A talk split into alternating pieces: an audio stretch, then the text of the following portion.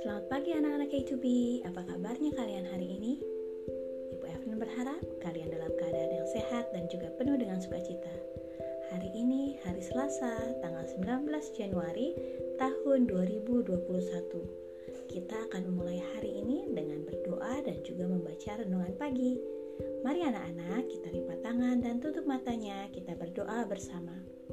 Tuhan Yesus yang baik, terima kasih untuk pagi yang indah ini. Sebentar, kami mau mulai hari ini. Kiranya Tuhan yang pimpin dan juga melindungi kami. Terima kasih Tuhan Yesus. Amin.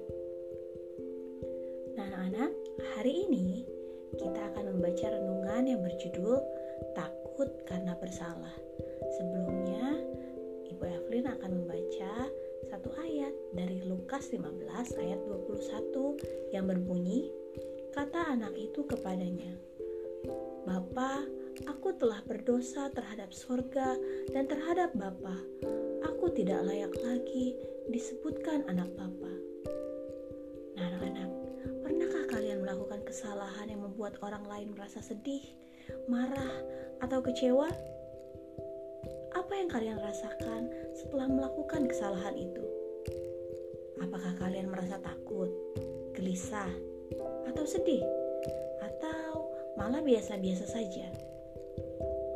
Bacaan Alkitab kita bercerita bagaimana si bungsu telah melakukan kesalahan kepada bapaknya. Biasanya, harta yang dimiliki orang tua akan dibagikan kepada anak-anaknya pada saat orang tua telah meninggal. Tapi dalam cerita ini, si bungsu meminta harta bagiannya saat bapaknya masih hidup. Ini adalah perbuatan yang sangat jahat. Oleh karena itu, ketika ia menyadari kesalahan yang telah ia lakukan, ia merasa takut bapaknya tidak memaafkannya.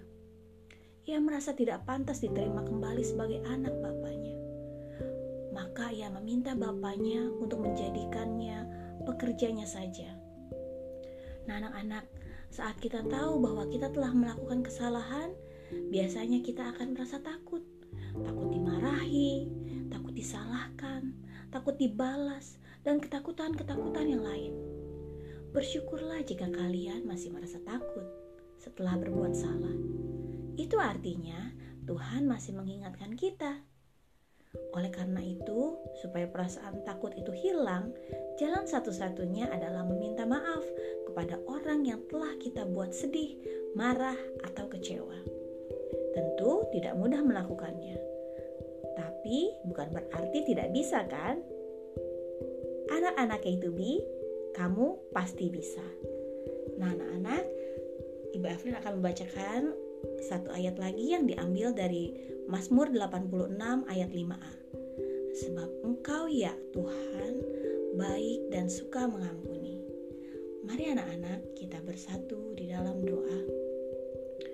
Bapa dalam surga, terima kasih untuk renungan yang sudah kami dengar. Ajar kami Tuhan untuk menjadi anak yang berani meminta maaf jika telah berbuat kesalahan. Kami ya Tuhan. Dalam nama Tuhan Yesus, kami sudah berdoa dan mengucap syukur.